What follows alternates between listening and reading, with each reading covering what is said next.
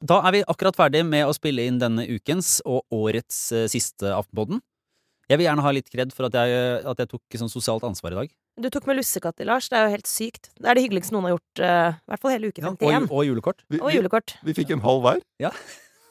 Og rosin i midten. Men det var kjempetiltak, Lars. Vi har jo jobbet oss gjennom en eh, rekke med gode spørsmål fra lytterne våre. Absolutt. Og vi har fått eh, Hvis noen som lurer på om eh, Sara baker eh, islandsk eh, jordbrød på vulkan, så kan de høre episoden.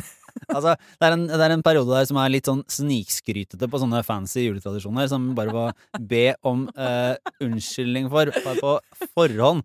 Og så kan vi si at vi, Det er ikke snikskryt å få spørsmål, svare ærlig. Så det, sånn er det bare. Men vi har også sagt hvilke av eh, regjeringens statsråder vi kunne tenke oss eh, å ha invitert på julaften.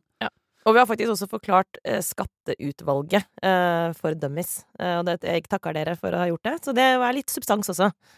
Og så har jeg måtte eh, gå gjennom mitt ståsted på vindmøller. Ja, Det er blitt utfordret på av lytter, så det måtte jeg gjøre.